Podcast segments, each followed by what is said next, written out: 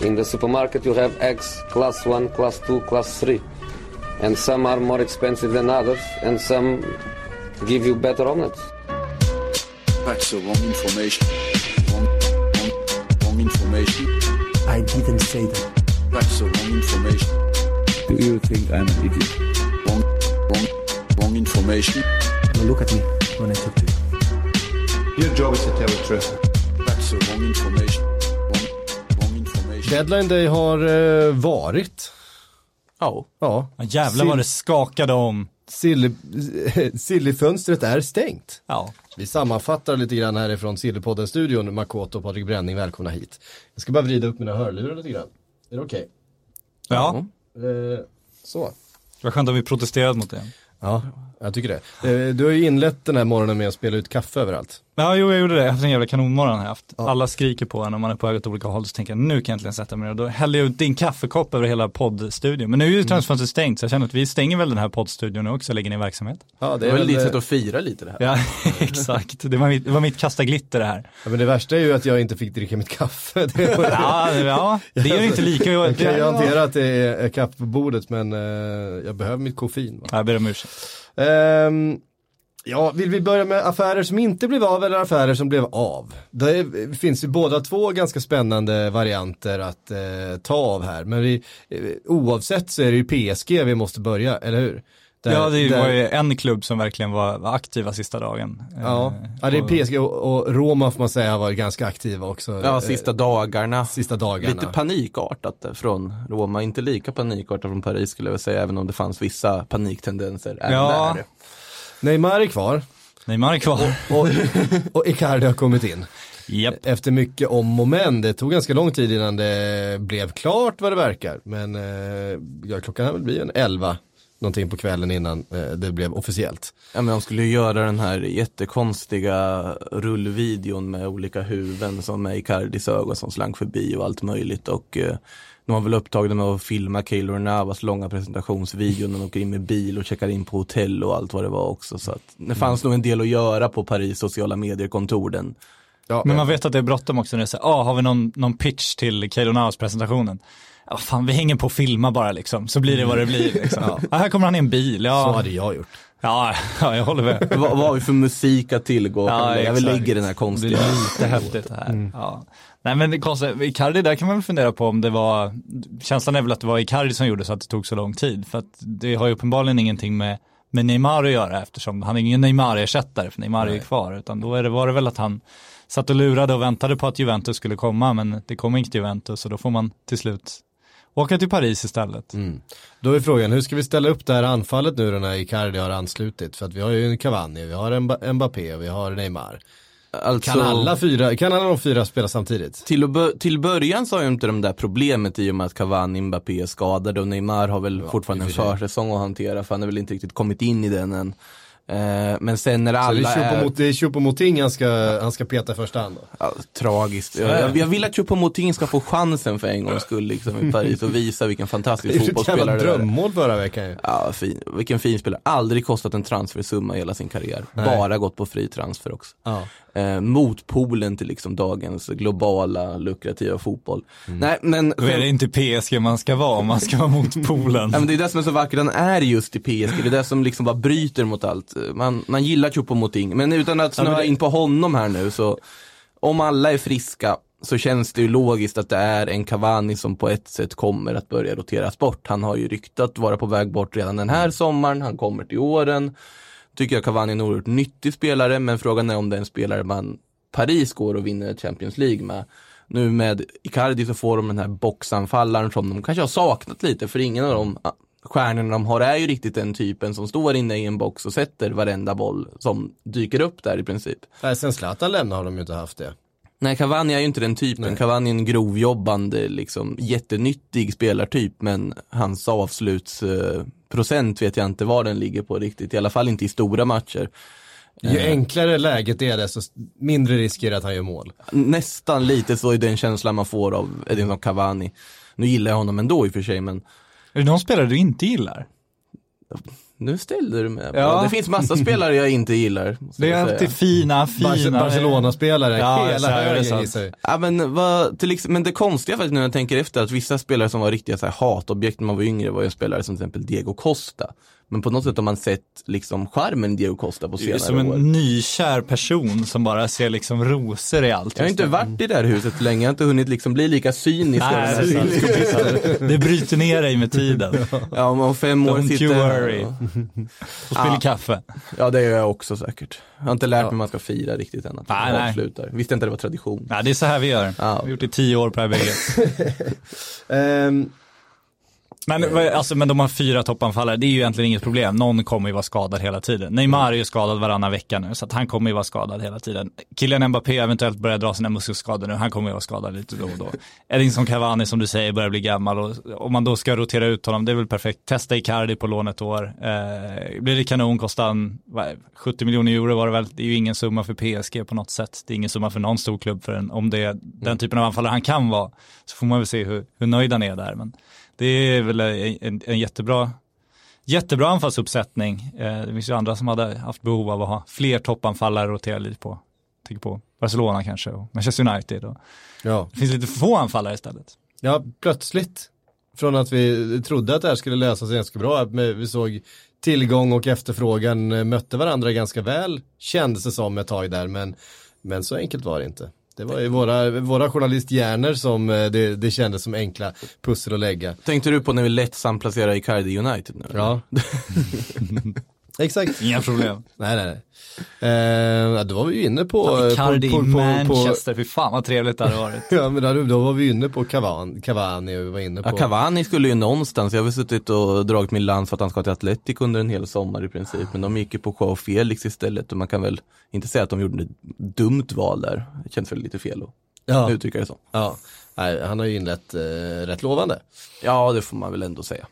Eh, får man säga. Ehm, hur är stämningen i den där truppen nu då med Neymar och allt som hänt? Det var ju, den var ju dålig innan ska jag ju säga. Ja, den har varit dålig länge. Den har ju varit dålig ända sedan Zlatans tid egentligen. Det var det ju också splittringar mellan det franska gänget och det brasilianska gänget. Och, eh, enligt fransk press, jag tror eller Parisien idag, som sa att eh, Neymars lagkamrater har häcklat honom lite. Eh, Piqué la ju ut eh, en bild med, med Neymar innan han lämnar Barcelona med dem tillsammans. När han sa liksom, ja men han stannar ska man väl på spanska. Se queda. Exakt, det har de, har de skanderat till Neymar i PSGs omklädningsrum tydligen på onsdag. Ja, vad underbart. Han ska, inte, ha- han ska inte ha blivit så sårad av det. Just nu är han Miami också på landslagsuppdrag, så han mår nog ganska okej. Men- Han tar dessutom bilder tillsammans med Maxi Lopez, vilket jag tyckte var en fantastisk timing när det dyker upp en bild på Maxi Lopez och Neymar just när Icardi är på väg in till Paris. Att Ivan Perisic gillade den bilden, en extra detalj. Det fint. Nej men jag tror också, det var, de, har ju, de har ju anonyma spelarcitat i fransk press idag från PSGs trupp. Det är ingen som riktigt vågar uttala sig med namn, men eh, någon ska ju ha sagt att det är bättre att ha en, en, en ledsen Neymar i sitt lag än en fullt motiverad Neymar i Barcelona. För PSGs del då. Eftersom Eh. de bara tänker Champions League. Exakt, och det är ju tveklöst så. Så att eh, de ska nog vara nöjda att Neymar är kvar. Ska man tro Arsene Wenger också, han var ju ganska säker på att om Neymar hade gått nu så hade Kylian Mbappé gått nästa sommar. Mm. Eh, är det sanningen så får de ju två år till med Mbappé kanske, så det är väl också bra. Det är ju också så att det kommer ju komma uppgifter i fransk press om en liksom alienerad ensam Neymar nu också. Ja. Hans vapendragare Dani Alves också har lämnat dessutom. Så är den brasilianska delen av omklädningsrummet också fått sig en rejäl törn. Så han sitter ju där ganska själv nu. Men, Men, eh, med Thiago Silva och Marquinhos och ja just det, det där gäng. gänget är ju kvar också, men det är sant. Ja då, då klarar han sig. Leonardo, sportchef. Fotbollen är oavsett global så Ja, det- exakt. Det är det Särskilt- vackra med fotbollen, det ska man i faktiskt Paris säga. dessutom. Man ser Barcelona som en direkt konkurrent också. Ja, precis. Så är det. Ja, ja, det där är, är ju lite speciellt. Det är kanske bara i, i Paris som man tänker på Champions League i första hand. Men, och- men man hade älskat om de, om de vaskar Neymar, om de bara känner så här, han, han är för bra för Barcelona, han kommer inte vara bra, är han så sur, vad fan vi skiter i honom, han får sitta här, han får sitta ut sitt kontrakt bara för att Barca inte ska ha honom. Och Så då kommer kommer Santos-lånet. Det- Vi ska inte räkna ut det. Nej, men eh, man ska väl nämna också Keylor Navas som har kommit in. Ja. På tal om någon som kanske är bättre person att ha i ett omklädningsrum. Otroligt mycket reaktioner från Real Madrid-spelaren när Keylor Navas nu lämnade för Paris. Jubel och, Nej, snarare liksom ledsamhet för att de har förlorat en väldigt liksom, populär lagkamrat i en annan klubb. Och sen måste ju också nämnas att Keylor Navas istället för att skicka ett långt meddelande och sånt som många gör till klubben, han skickade ett gammalt klassiskt bildspel som såg ut som att han hade gjort det i liksom så väldigt basic program med så vit text som dyker upp och sen stillbilder från sin tid i Madrid. Jag tyckte det var något oerhört vackert med liksom just stillbildsspelet. Man får inte glömma bort liksom, den Det är så här som effekten det ha. känslan är att han har gjort det själv också. Ja, men precis lite så. MS Paint. Ja men det, det var som varning på det. Ehm, ja, Icardi till PSG var det. Ehm, vi hade andra, alltså Neymar blev kvar. Det blev också Gudetti som var en körare igår. Ehm, Fick inte sin flytt. Eh, efter allt. Enligt Och- eh, belgiska uppgifter till oss då faktiskt så handlar ju det om att Alaves faktiskt hade erbjudit John Guidetti, eller så var det agenten som erbjöd John Guidetti till Anderlecht. Anderlecht funderade väl lite på det men insåg att nej men han passar inte riktigt vår profil eller den spelaren vi vill ha in. Eh, samtidigt så problemet för John Guidetti har ju varit att han sitter ju på en förhållandevis hög lön i Alaves. Och i och med den roll han har i Alaves så känner väl de att ah, men det här är en spelare som kanske är värt rent ekonomiskt att faktiskt bli av med. Men problemet återigen som är lite talande för hela det här transferfönstret är att om du sitter på en hög lön och du vill bli av med en spelare så är det inte så lätt att bli av med en spelare. För det är ingen annan som vill betala den höga lönen och ta över den löneposten. För de ligger redan på en viss summa som då är svår att förhandla ner. Ehm, så John Guidetti sitter ju kvar i Alaves. Jag tror att han kommer få sin beskärda del speltid. Absolut, han kommer ändå ingå i någon form av plan. Frågan är om det är tillräckligt mycket speltid för att behålla en landslagsplats och frågan är om det är tillräckligt mycket speltid för att John Guidetti själv ska vara nöjd med tillvaron där borta. Vi får ju helt enkelt se hur han används nu under hösten. Mm.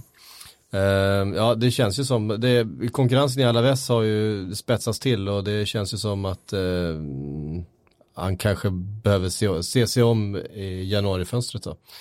Ja, du värvar ju inte in Lucas Perez och Joselu från Premier League. Må så vara att de inte kanske var jättelyckade där.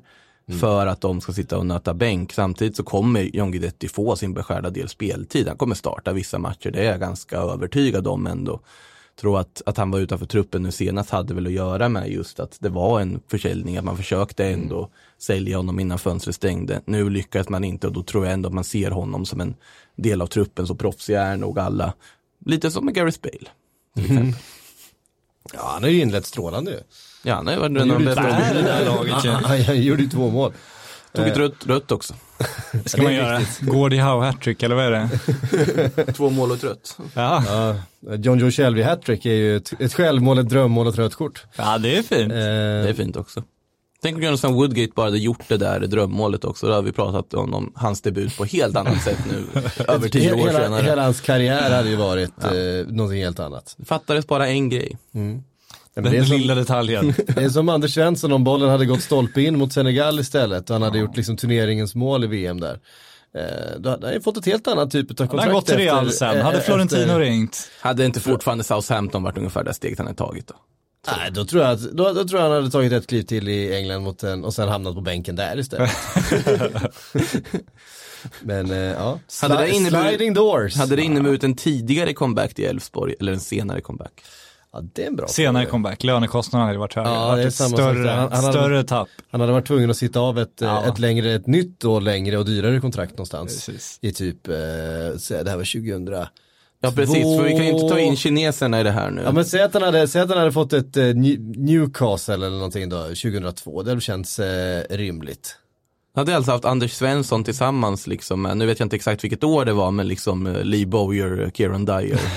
Ja visst, och, och, och um, Alan Shearer. Anders har sitt humör också, det ska man inte underskatta. eh, Fin plats vi har hamnat på här i podden. ja, absolut. Mm, nu tänkte du på Leeds va?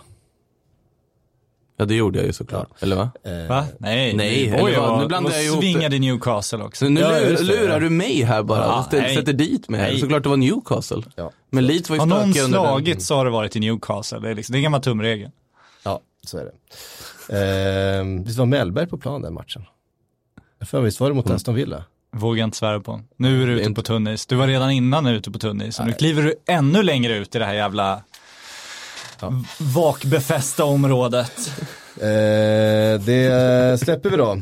Varför vadar han ut dit varenda jäkla gång? Det är helt det, kan, otroligt. det, det kan ju finnas någonting Det där finns att en säker flotta här, men Ja, du men- ska ut där. Men vi, vi var ju på ganska lagom mys, när du kan köra ingen- bil på liksom Ingen minns en fegis. Nej, nej, så är det. Jag tror att eh, Olof Mellberg var på planen där när de började slåss med varandra. Eh, Olof Mellberg som nu är klar för eh, HIF.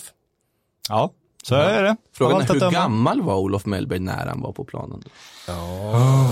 Öppna inte det här för psyk nu.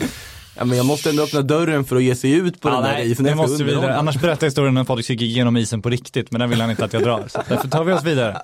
Den, den, den sparar vi. Ehm, profiler har vi nämnt några stycken. Vad sägs om Bentner? Vad sägs om Niklas fucking Bentner Ja, det är till så- FCK? är så Se upp alla taxichaufförer, Det är så nu flyttar han deppigt. hem. Det är så deppigt. Alla gym, de får förstärka sina fönster. Ja, men alltså Ja, Bentner mot. Rosenberg i Europa League blir ju ändå kul. Ja, om Bentner är där liksom. Det är, nu har han gett upp. Nu är det över liksom. Han, eh, han, jag gillar ju när han var i Wolfsburg och så tänker han, nej jag börjar få fart på det här igen efter att ha liksom latat sig bort från Wolfsburg. Eh, han vägrar ju ibland att köra klubbbilen där, skulle eh, med bestämdhet eh, köra sin gamla Mercedes. Det är ju att fel klubb att välja i. Ja, så är det. Han fick ju parkera ganska, utan, ganska tätt ganska- förknippade. hyfsat tätt vid Han fick ju parkera utanför an- anläggningen och släppte inte in hans bil in i anläggningen för att liksom, han hade fel märke på den. Eh, nej men då åkte han ju ändå till Nottingham Forest liksom och skulle få fart på, okej, bevisa sig igen i Championship och visa att fan jag är Premier League bra och sen så gick det åt helvete. Och så till Rosenborg gör succé och sen så bara lägger han av där också. Nu ska han hem till FCK då. Ett Eh. FCK som ju inte ville ha honom om man ska tro de danska rapporterna från början. Det sa- sades ju först att han var aktuell för dem och sen så, nej, de vill, inte, det är för stor osäkerhet kring Niklas Bentner. De rycker i annat. De rycker, rycker Kiese bland annat påstås det, eller om Kiese ryckte i FCK, lite oklart det där. Och så står de bara några minuter kvar på transferfönstret, ja nej vi har ju bara Bentner som alternativ, tar in honom och så presenteras det som liksom den största prof, eller stjärnvärvningen i dansk fotbollshistoria. Det är det ju inte liksom, utan det här är ju en stor osäkerhet bara. Det är Ja. intressant för att eh, på kvällen när jag satt och live-rapporterade, eller chattade under hela det här fönstret och eh, man märkte på kollegorna hur de bara brann igång så fort Niklas Bentner presenteras. Bara, det här är ju bomben, liksom äntligen. Undrar hur Bränning kommer reagera imorgon. Han kommer vakna så glad, sa de. Så det är intressant att du ändå bjuder på Ja, en liten, eh, deppig. curveball här. Jag tycker det är tråkigt. Och det, ja, ja, nej. Han hade ju tydligen inte eh, gjort sig till någon sån där jättepopulär figur i Rosenborg heller under slutet här nu. Det är helt oväntat. Eh, det är ju lite så det, så det blir med, med Niklas Bentner. Gå sina egna vägar. Ja, men han ska väl varit eh, mer eller mindre utfryst av de andra spelarna Ja. i, i den truppen så att det fanns väl, han var tvungen att göra någonting. Ja, men man får ju höja varningens finger om man är motiverad som han var i början i Rosenborg och sådär också. Då kommer han ju vara alldeles för bra för FCK, så är det ju. Och då kommer han ju kunna göra avtryck i Europa League. Men frågan är ju om han är det nu när han kommer hem till Köpenhamn och liksom får, leva det livet eh, även vid sidan av fotbollen. Som ju, han, har, han har ju hela tiden återkommit till Köpenhamn även när han haft problem med andra klubbar och skapat lite, lite skandaler och annat på stan där. Så att vi får ju se om han verkligen är så motiverad som han påstår att han är. Så fall kan det bli farligt för MFF. Om han inte är det, då, alltså jag tar ju ändå Marcus Rosenberg alla dagar i veckan. Ja, absolut. Men titta tio år fram i tiden då i Niklas Bentners liv. Var, vart befinner vi oss då? Då har han spelat fotboll i ungefär eh, ja, men tre år till. Han har varit eh, Ja. pensionerad fotbollsspelare i en sådär sex, sju år. Vad heter den danska versionen av Paradise Hotel för liksom äldre? Ja men precis, det, han, han måste väl bli en, en, eh, ett stående inslag i alla dokusåpor som har någon slags VIP-prefix. Om man orkar det liksom. Jag tänker att han är mer sån här Biggest loser, Preben. Elkjær Larsen. Ska han, ska Han- han träna bort kilorna Nej, men han kommer bara driva runt liksom. Han är Tommy Söderström liksom. Det kommer liksom. Han kommer inte ha någon ambition, han kommer bara göra någon trött jävla spelbolagsreklam och sen åka på någon tråkig Båstad-weekend och så är han nöjd med det liksom. Jag tror inte, jag tror att han är, han är för trött för det där. Jag tror ändå att liksom danska versionen av SVT kommer att ta in dem till deras version av Mästarnas Mästare för att liksom piffa upp programmet lite. Ja, men det tackar han nej. Du tror det? Ja, det tackar ja, första nej. gången ja, men Ja, sen har han- det ingen andra året. Ja, nej, han, har, han har fullt upp. Det är för mycket Tuborg i Köpenhamn. Det är liksom, det går inte. Han har inte tid. Då måste han ju också eh, ta tag i saker igen. Och dyka upp, bara den grejen. Han måste dyka upp Ja, och så nej, kanske han måste, så måste, måste han kanske göra två, två tre sit-ups inför också. Så att, Ja, nej, det där, redan där har vi förlorat honom. spekulerar väl lite grann kan man säga. Ja. Eh, men det, det kan vara kul. Eh, vi stannar i eh, Skandinavien då. Eh, eller det, vi stannar lite i Skandinavien men vi har en svensk spelare, Samuel Gustafsson som bytte, bytte lag från Torino till eh, Cremonese eh, igår. Ja, Känner, alltså det är ni, väl känner, vett- känner ni att pulsen stiger? Nej, men det är väl vettigt. Fotbollsperiferin alltså. Det är väl vettigt för honom att ta ett steg ner till fina serie B och få igång karriären igen. Var ju inte så mycket möjlighet till speltid i Torino om vi säger så. men, det, men det hände igår. Ja, det hände igår, så det ska, det ska noteras. Då har vi noterat. Ja. Eh, Jesse, eller Jesse, hur säger man? Jesse. Jesse, Jesse. En gissning till har du. Ja. Jesse Ja. Rodriguez. Återigen ett lån här nu då. Han eh, var ju i grönvita Real Betis på lån förra säsongen. En sväng var väl ingen dundersuccé, även om man börjar bra och nu går han till ett grönvitt Sporting Club i Lissabon istället. Eh, Lissabon var otroligt aktiva här under sista dagen ska tilläggas, men ingen Bruno Fernandes som gick någonstans till många Real Madrid-supportrars förtret såg jag. Zidans flört där. Ja, men det kommer ju inga bomber. Han sa ju bomber, det, skrev folk i exakt. chatten. Och eh, man måste ju förstått att den där bomben var ju Alfonso Areola som skulle in på ett säsongslångt lån. Exakt. Och de två bomberna var ju att Keylor Navas lämnar samtidigt. Eh, men i Sportings fall då, man Ja, José kommer in, han ersätter väl då Rapinha som gick till Rennes för, vad blir det, runt 200 miljoner. En övergång värd att notera här också, ersättare till Sarr i Rennes.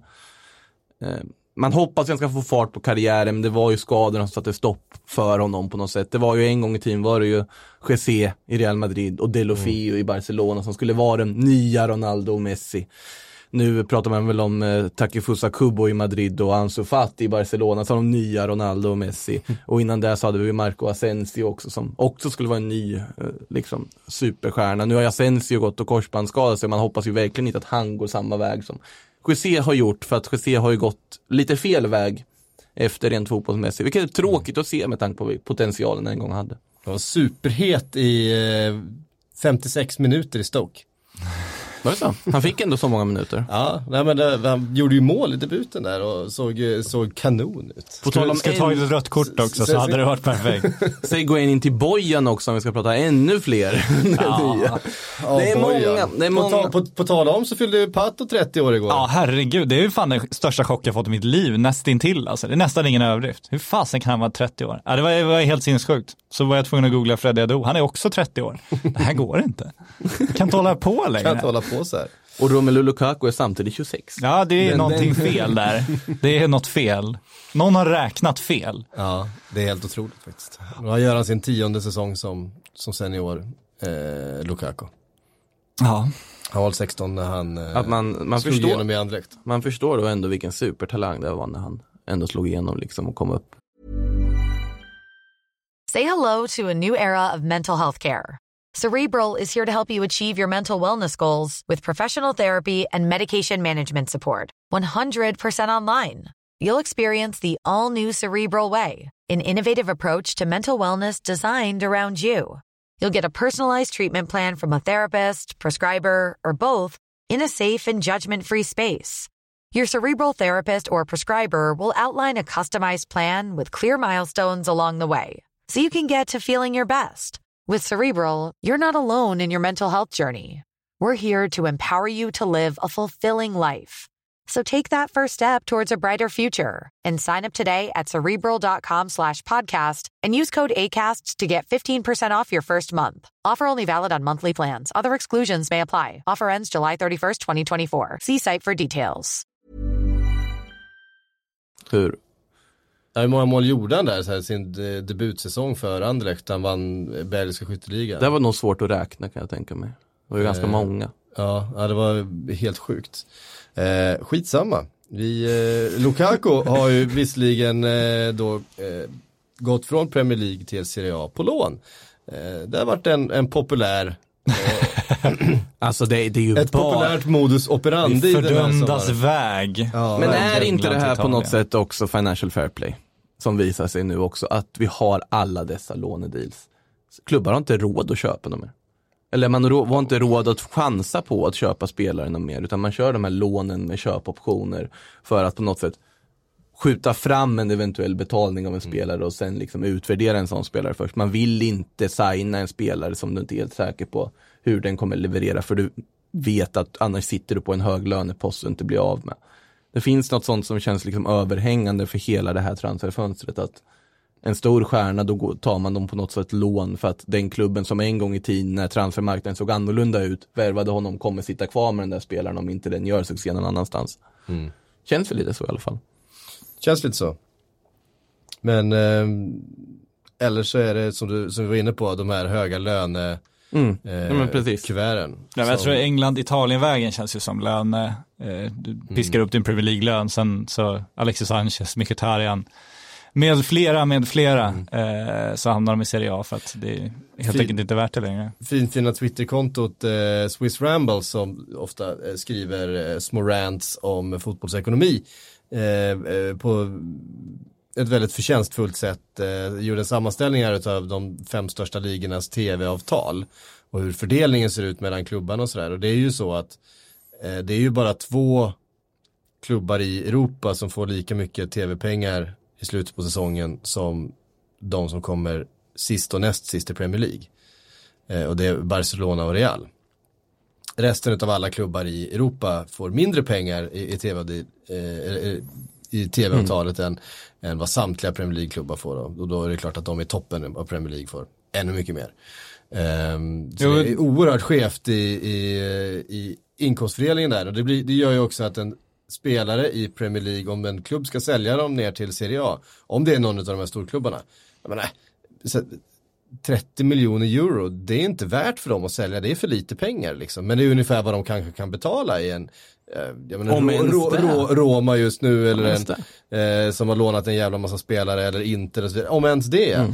Fast det är, mer, det är inte så att de får för lite transfersummor, problemet är att de, alltså italienska klubbar inte har råd med lönerna ju. Alltså Manchester United hade ju gärna tagit 30 miljoner kronor för Alexis Sanchez om vi inte tog hela lönen liksom. Den, den lönen är i och för sig rätt Japp, så är det ju. Så att, eh, det blir ju där, och det är spännande med det där man pratar om det där tv-avtalet att eh, nu, nu, nu drar engelsk fotboll ifrån och sådär, men de har ju inte varit, de- var väldigt bra i Champions League förra året, men om man tittar på, alltså, tittar på Tottenham berodde inte på att de har köpt massa, massa nya spelare för sina pengar.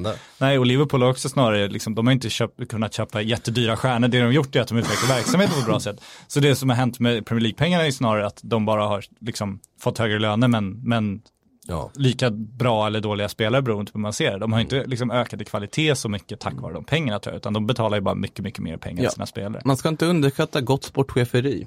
Det kan man Nej, väl så säga. är det ju.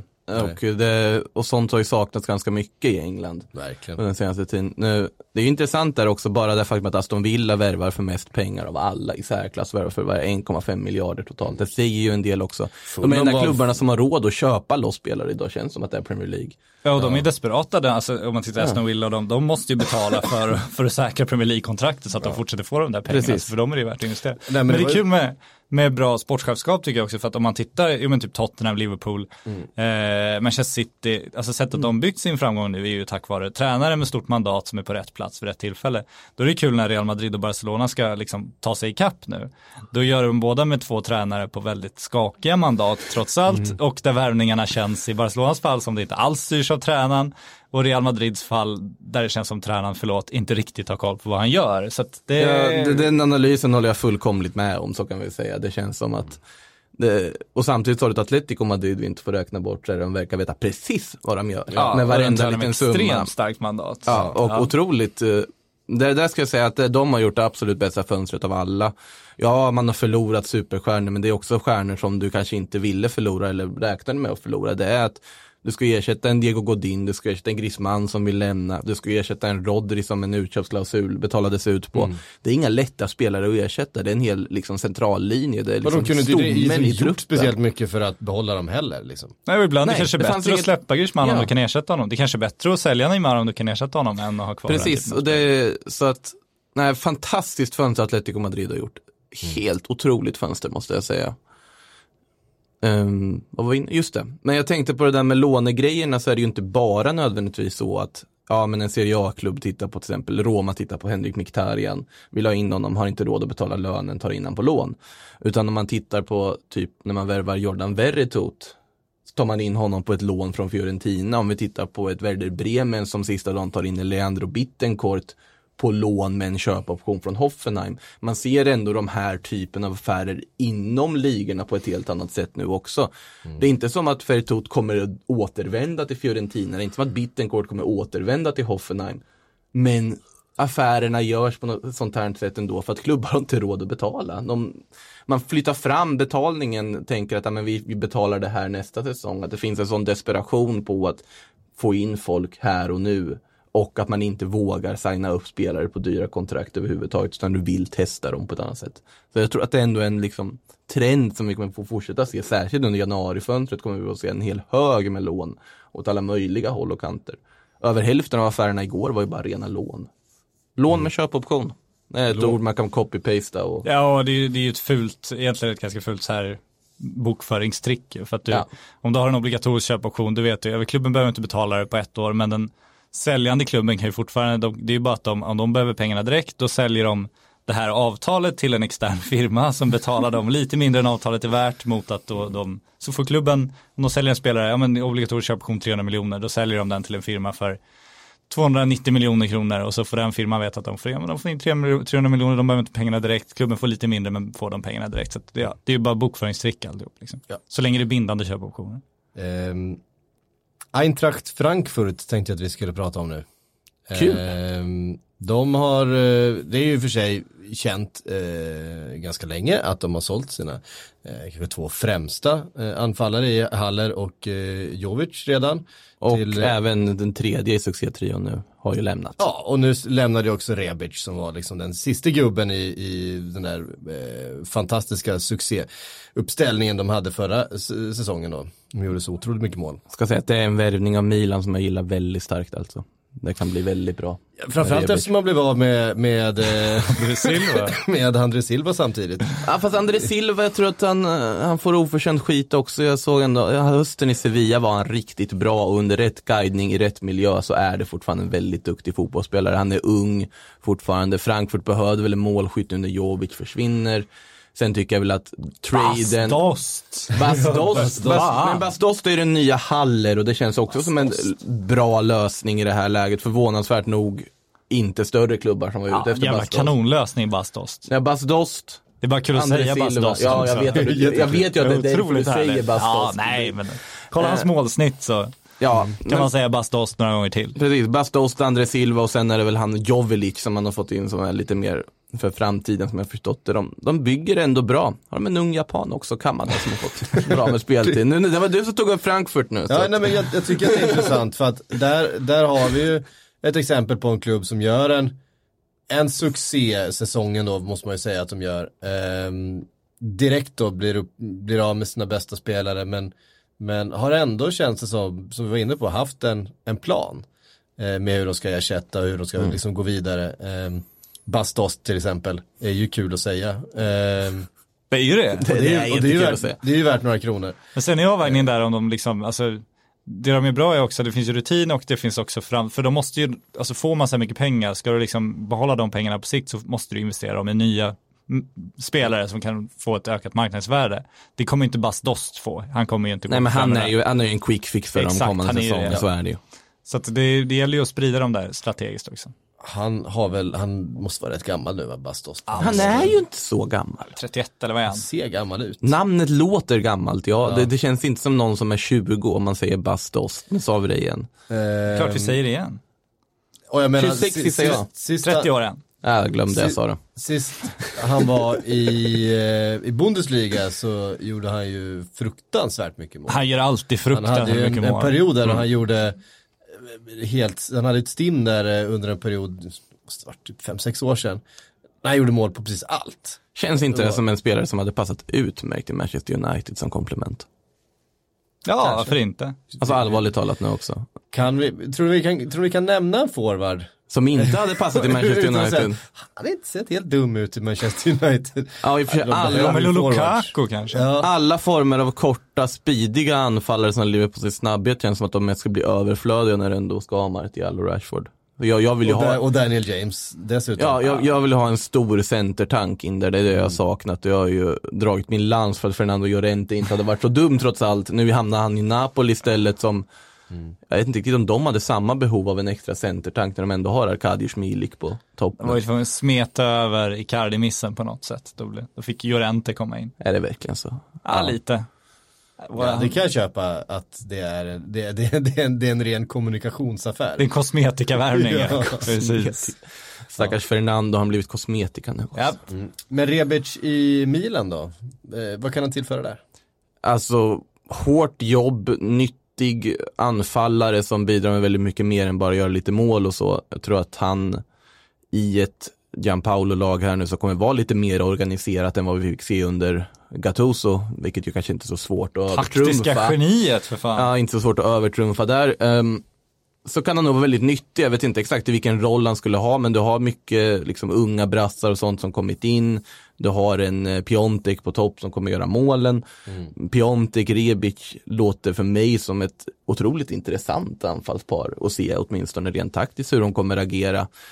Sen är väl det ganska många nya komponenter som ska spelas ihop i Milan. Ja, det är väl kanske om man nu ska satsa på en Champions League-plats, om man ändå har så pass höga ambitioner, velat ta in typ en riktigt bra mittback in i det här. Det är också någonting man säger till typ alla lag, att det saknas en riktigt bra mittback. Japp. Ledare i försvaret. Och det får man ge United, de var en som gjorde just det och plockade in en mittback. Nej, Jag vet inte om ni har sett den giffen som har snurrat runt om eh, mittbacks staredownen i Serie A mellan Ja, den är helt underbar. Ja. Ja, den är helt underbar. Juventus, Napoli, Inter och Roma. Den är Nej, helt- va, va, va, nosa upp den, jag kan inte beskriva den men det är den onde, gode, den fule och sen den fjärde är Den, den där grabben som ser förvirrad ut. lille, lille pojken men- som ser eh, helt ställd ut. Eh, Som då ska symbolisera Chris Smalling och eh, vem var det de hade i det? Hur ställde de upp det? Ja, Juan Jesus. Ja, Juan Jesus och Chris Smalling mot så här Diego Godin och... De Vries eh, och eh, Skriniar och Koulibaly, Manolas och Delict, Chiellini, Bonucci. Ja, det, det är ju, det är ju rätt talande ändå. Det är talande tycker jag. Den, den är väldigt rolig den giffen Ja, måste jag ja, säga. ja. Men eh, ja, som sagt, det behövdes kanske någon form av mittback eller försvarsspelare till i Milan kan jag tycka. Men eh, mittfältet, Benazer, Krunic från Empoli. Man har ju ändå sjunkit så lågt att man måste leta i Empoli för att förstärka. Det är också en sak man ska lägga till här. Men jag tycker ändå att det finns något intressant. Den tror jag på Gianpaolo som tränare. Det ska bli kul att se honom i en bättre, större klubb än Sampdoria här nu och se vad han kan göra med det här Milan. Har väl inte börjat jätteövertygande kanske när man startar Borini som mittfältare i första matchen. Men det finns en ägarsituation det att lösa deppigt också. Alltså. Det, det är ju deppigt. Jag blev lite ledsen när jag såg att Borini startade på mitten där i första matchen. Liksom. Inget ont om Borini, han är mångsidig men han Men, han är inte bra. Nej precis, men han är ju inte bra. Det var lite det jag skulle komma till också. Inget ont om han, men han är inte bra. Nej, precis. Nej, jag, jag är också rätt mångsidig men jag är inte så bra. Nej, du är Eh. dålig på många saker. Ja, exakt. Ganska medioker på det mesta. Ja, Jag har- tar, tar mig för mycket Ja, olika ja. grejer. Ehm, Det uppskattar vi. vi stannar kvar i, i Serie A då och pratar lite fler lån. Eh, eftersom det är melodin. Eh, Roma har lånat hej vilt. Vi var inne på Chris Smalling som kom häromdagen. Sånt Eh, man gör när man den- inte vi- riktigt vet vad man ska göra som vi Den har redan varit inne på. vi- Många chansningar, hoppas någonting blir rätt. De fick inte loss Mustafi, så, Alltså, Chris Smalling. så har vi Chris Smalling istället. Eller Dejan Lovren. Eller, eller Dejan Lovren. Nej, Ja, det det, finns- är... Fina mittbackar. Det måste ju dock tilläggas Miktarian kommer vi in på nu, men Ja. där tycker jag ändå faktiskt är en bra affär, för Henrik Miktarian är ingen, alltså, det är fortfarande en spelare som absolut kan bidra och de tycker ändå de har saknat lite den typen. Sengi Synder eh, kommer ju få spela och kommer ta nya kliv, men håller han över en hel säsong. Du har blivit av med Sharawi till exempel och du får in en Miktarian som har spelat på den högsta nivån, som kan det här, som jag tror kommer bidra väldigt mycket i det här Roma. Där det känns ändå som en väldigt vettig lånerekrytering att göra i det här läget. Dock betalar väl Roma hela lönen som jag förstår det. Ja, det kan det mycket väl I det här vara. Kan det sammanhanget. mycket väl vara. Frågan är ifall det här har varit hans dröm. Ja, exakt. Han har alltid drömt om att spela för Roma. Ja, fina. Eh, har, vi fått, eh, har vi fått svar på det än? Ja, inga sådana uttalanden tror jag. Måste kolla upp det där. Det var ju hans dröm att spela i Shakhtar och så var det hans dröm att spela i Dortmund. Så var det också, Ah. också hans dröm att spela i både Manchester United och eh, Arsenal, visade det sig. Det är Eh, fantastiskt. eh, ja. Det är inte bara någon språkförbistring här då? Mycket möjligt Att att det- dröm att- betyder något annat på armeniska typ som nästa Eller till lönen han pratar om hela tiden. Just Det här har alltid varit min dröm. Eh, Min dröm att bli inblandad i en bytesdeal med Alexis Sanchez. Alexis Sanchez som är på lån. Exakt, ja, men jag, jag, jag är inte helt ute och cyklar när jag säger att de här lånen eh, definierar hela det här fönstret. Ändå. Ja, så är det Eh, Det är ju, det finns, det finns ju någonting, det finns ju någonting eh, djupt ironiskt i att den här som var då det fönstrets stora värvning, bytet mellan Mkhitaryan och Alexis Sanchez nu har resulterat att båda två är utlånade till Serie A. Ett och ett halvt år sedan bara. ett, ett och ett halvt år senare utan att någon egentligen har satt något som helst avtryck. Eh, Nej, det är ju också de det. För ett och ett halvt år sedan så var det ju inget tanke på att, ja, men, oj, det här är ett dyrt kontrakt, vi skiter i att kanske riskera att signa till oss den här spelaren för fem sex år. Utan då var det ju bara köpa allt som går att köpa, skit i konsekvenserna. Nu sitter vi med konsekvenserna. Ja, sen tycker jag också att det finns en kortsiktighet där som är intressant. Alltså varför fungerar inte Alexis Sanchez i Manchester United? Han menar ju själv att han inte fått tillräckligt mycket speltid. Det, Ja, ingen fungerande i Manchester United, det är väl det snarare Ja, men då är det, men jag tycker, jag brukar ofta klaga på, för att dra en hockeyparallell så känns som alla SHL-klubbar, jag, jag liksom värvar någon nord, nordamerikan där i, i slutet av sommaren och så får de sparken i september liksom. Och det är så här, men Eller så är man som Örebro värvar en och eh, han lämnar efter en månad nu. Ja. Det man också säga. Men det känns som, om det inte fungerar, det måste ju finnas någon slags lösning på, alltså för att spelarna är ju inte sämre. Kan du, kan du inte piska igång motivationen av Alexis Sanchez? Eller vad är, vad är problemet? För att Manchester United, det är inte så att de inte skulle behöva Alexis Sanchez om han var, var så bra som man kan bli igen. Men det, det går väldigt snabbt nu för tiden. Det är väldigt, väldigt kort tålamod. Samtidigt är det ju så att när Ole Gunnar Solskjaer bygger sitt nya United så heter det ju inte Alexis Sanchez, heter inte Daniel James eller Scott McTominay. Nej, Han precis. heter Alexis Sanchez och sitter på en hög lön. Och det är väl det här kortsiktigheten finns också, att det inte finns en sportchef utan att det alltid är tränaren som kommer och går och ska bygga sina lag. Så att det är väl det största problemet. Ja. Eh, Men vi hade faktiskt en övergång från Premier League till eh, Serie A igår också som eh, var en, en, en riktig övergång, ett nytt kontrakt, nämligen Darmian till Parma. Eh, säger Det skrek ju lån när man hörde det först, men fan när Ja. det stod alltså permanent transfer. Ja, men det- är fyra, år, fyra års kontrakt. Intressant agerat av Parma här när ändå Darmian har kopplats till klubbar som Roma, Inter och så vidare under sommaren. Verkligen. Och att Parma då ändå avvaktar det här, liksom erbjuder en hel deal och får honom i slutet. Det är, jag sitter ju och säger det, det är fortfarande en bra fotbollsplan. Varenda spelare sitter och pratar om det. Så, men... såga någon nu. ja, men vi pratar ju för lite engelsmän, jag har inget att såga. Men skämt åsido, Darmian får se hur det går i Serie A, men det känns ju som i Parmas läge så Det, är det viktig det måste vara en supervärvning för dem. Ja, alltså en bra Alltså- värvning. Supervärvning var Nej, kanske att ta i, men är, det är väl inga ytterbackar Ingen game som är, changer som är supervärvningar eh, i stort sett. Men, Kieran Trippier. Ja, Ah, han var rätt magsur i, i intervjun här eh, Ja, som, som kom ut. Jo, men jag tror Eh, att han eh, med facit i hand kommer ganska glad att ha kommit till Atletico tror jag. Eh, Det tror jag också. Men det är liksom så här. Han byter upp sig skulle jag säga nu Fast det måste vara kämpigt när han kommer hem till liksom de brittiska öarna, hans polare bara så här, men vad, vad var det du lirade nu igen? Så här, ah, Atletico Madrid, så här, jaha, men fan går det bra? Så här, ah, vi gick till CL för några, så här, vad hette det? Atletico, jaha, nej, aldrig hört talas om. Aldrig hört talas om. Diego Simon, nej, aldrig hört talas om, nej. Did you play against farmers every week? Ja, exakt. Var det Woodgates gamla klubb? Nej, nej, det var Real, nej, okej. Ja. Ehm, Eriksen har ju också uttalat sig i ex. Ekströmberg. De har en bra ingång på Eriksen, det är ofta han pratar med. Ja, det är landslagssamling nu. Då pratar alla danska. Ja. Ja. Jag älskar danska landslaget av den anledningen. Alla pratar med alla, otroligt bra. Han säger att han önskar att hans framtid kunde bestämts som i eh, football manager. Han, hoppas att li- han hoppades att livet skulle vara lite mer football manager så att det var lätt att, att byta klubb. Det vill säga Eh. att Real Madrid plockar in honom även om de inte har behovet för honom. Antagligen. Att han hade varit tränare för Real Madrid med andra ord. Nej men om det ska vara football manager så kan det bli typ så här, slutat och blivit assisterande i Stoke eller någonting. För de hamnar ju där de här stjärnorna. Nu, nu läser jag på engelska för jag är inne på Sky Sports eftersom jag... Du går alltid till huvudkällan. Man måste Är, det, är din engelska eller danska bäst? Eh, min engelska är klart bättre, men nu, men nu går jag ju då via Sky Sports Google Translate på, på den danska ursprungstexten. Ja, du tänker så. Ja. Ah, okej. Det är nog precis det du gör. Du Ja. förutsätter bara att Sky Sport har Google Translateat där nu? Det har de gjort. Det är jag är rätt säker på. Ja. Eh, I wish I could decide just like in football manager, but unfortunately I can't. Ja, det var det han sa. Ja. Eh, I wish I could decide. Så att han, att han själv då spelade football manager och kunde placera sig själv i vilken klubb som helst. Eh, det låter ju inte som någon som tycker att det är jättekul att vara kvar i Tottenham den här säsongen. Och vi, har varit, vi, för er som lyssnade på Premier League-podden igår eh, så var vi inne på det att eh, hela den truppen känns som de är lite påverkade där, även Pochettino känns lite sådär halv pepp på Tottenham-projektet just nu. Ja, men det, är också, det blir så dubbelt klurigt, för det, det är på ett sätt bra för Tottenham att det inte är de som har stoppat Christian Eriksen, för den bilden får man inte överhuvudtaget, utan känslan är väl att Christian Eriksen ville till Barcelona, Real Madrid och Real Madrid och Barcelona var inte intresserade av honom. Eh, men sen blir det också, samtidigt om de hade stoppat Christian Eriksen så hade de i alla fall visat någon slags styrka liksom. Nu är de trots allt en klubb som vars kanske bästa eller näst bästa spelare vill bort men inte kommer bort för att ingen är så intresserad av honom.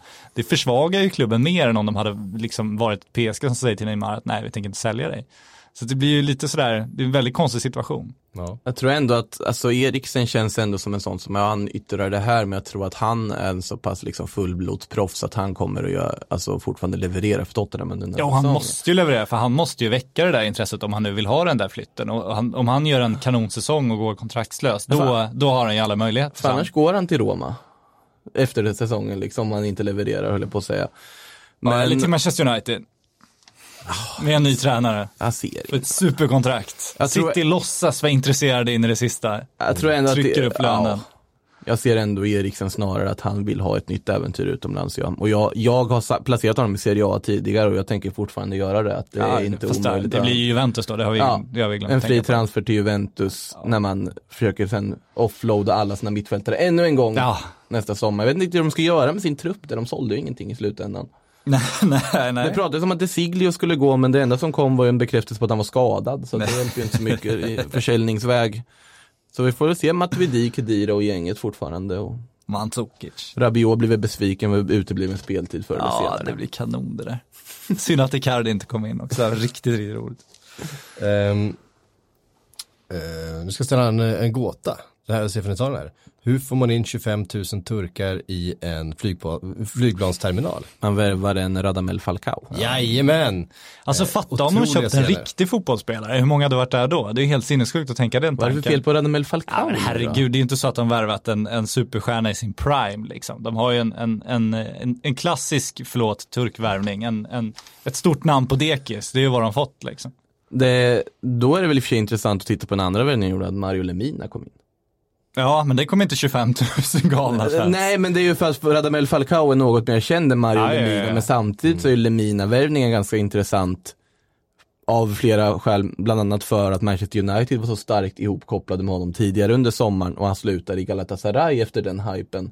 Då är frågan, har det att göra med Manchester Uniteds status på marknaden när de jagar spelare idag eller har det med att Mario Lemina kanske inte var så högt ratad som han egentligen Jag tror inte han var så beskrevs? högt rate. Han Jag har inte mobbat. United för andra Galatasaray, det gör man inte. Nej, liksom, nej så såklart han inte gjorde det men ändå, ändå intressant att Galla köper loss en Lemina från Southampton i det här läget. Ja, men spännande med Falcao också, om man tittar liksom, alltså det kommer några siffror också på den där jävla tweeten när de presenterar den, den har ju snurrat, du, alltså så sinnessjukt många visningar på den, så att om man tittar ur ett marknadsföringsperspektiv har de nog räknat hem den där affären redan. Så får vi se, han kommer göra sina mål också, det, det räcker att han står där i boxen så kommer han ju hitta dem. Men, men ja, återigen, om de köpte en riktig fotbollsspelare, då hade de ju, då hade de vält den där flygplatsen. Ja, men, alltså, om man bär in Tobbe Linderoth och det kommer 25 000 pers för att hälsa på Radamel Falcao. Tänk, tänk, tänk om, om en riktig fotbollsspelare landat. Ja, jo, i och för sig. Eh, vi har fått lite frågor, eh, som vanligt. Eh, Marcus Bengtsson, vad hände med Okazaki? Ja, det är, en- det, men, Nu lutar jag mig tillbaks. Nej men det är faktiskt en jättetragisk historia också och en historia om en klubb som är oerhört illa skött. Nu ska tilläggas att jag har inte hunnit titta på exakt hur de här lönereglerna är. Men det är ju så att Malaga då i spanska andra divisionen, gamla klassiska Malaga, de har ju inte jättegott med pengar. De värvade in Shinji Okazaki och bland annat även José Rodriguez, inte José Rodriguez utan José Rodriguez som också har spelat i Real Madrid en gång i tiden. Och även en B-lagsspelare från Villarreal i form Simon Moreno. De hade alltså inte råd sett till löneregler att registrera de här spelarna. Så Shinji Okazaki, det i princip det sista som hände under fönstret var att hans kontrakt med Malaga bröts. Han gick med på att bryta det här kontraktet som han har skrivit. Så nu är Shinji Okazaki gratis och på fri transfer utan klubb. Att Malaga har agerat på det här sättet och inte ens lyckas liksom registrera spelarna man har värvat talar om vilken otroligt misskött klubb det där är. En otroligt tragisk historia tycker jag.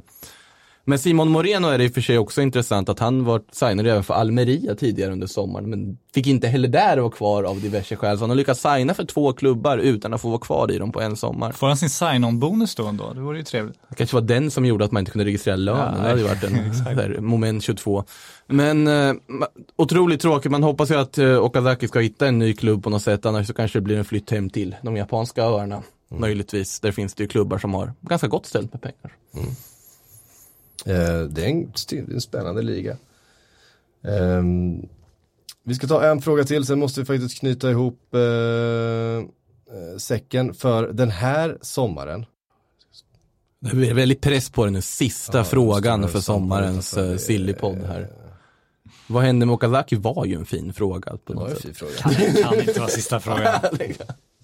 Jag har fått den här frågan från kverulerare och det är väl den vi tar med oss lite grann för att det, det har eh, blivit så uppenbart en nackdel. Hur länge dröjer det innan Premier League återgår till samma deadline day som övriga Europa? Italien och Spanien kan bara vänta tills till exempel United desperat måste avlasta Lukaku och Alexis och kan lägga skambud utan konkurrens från penningstinna Premier League-klubbar. Ja, det kommer dröja till nästa sommar. Eh, för att de är redan i möten om det här. Så om, inte, om de inte kan övertyga de andra om att följa de här eh, nya riktlinjerna, då kommer de definitivt att återgå till de, till de gamla. Ja, så enkelt är det. Tack eh, Makoto, tack Patrik för att då ni har varit med hela sommaren. Blir det en riktig deadline day Tack. tillbaks? Det ser blir en riktig deadline ja. Ja, för fan, det ska bli fint. Ja. Eh, och tack alla ni som har lyssnat hela sommaren. Vi, eh, vi hörs snart igen. Lyssna på oss i andra poddar så länge. Tycker jag ni ska göra. Eh, så hörs vi snart.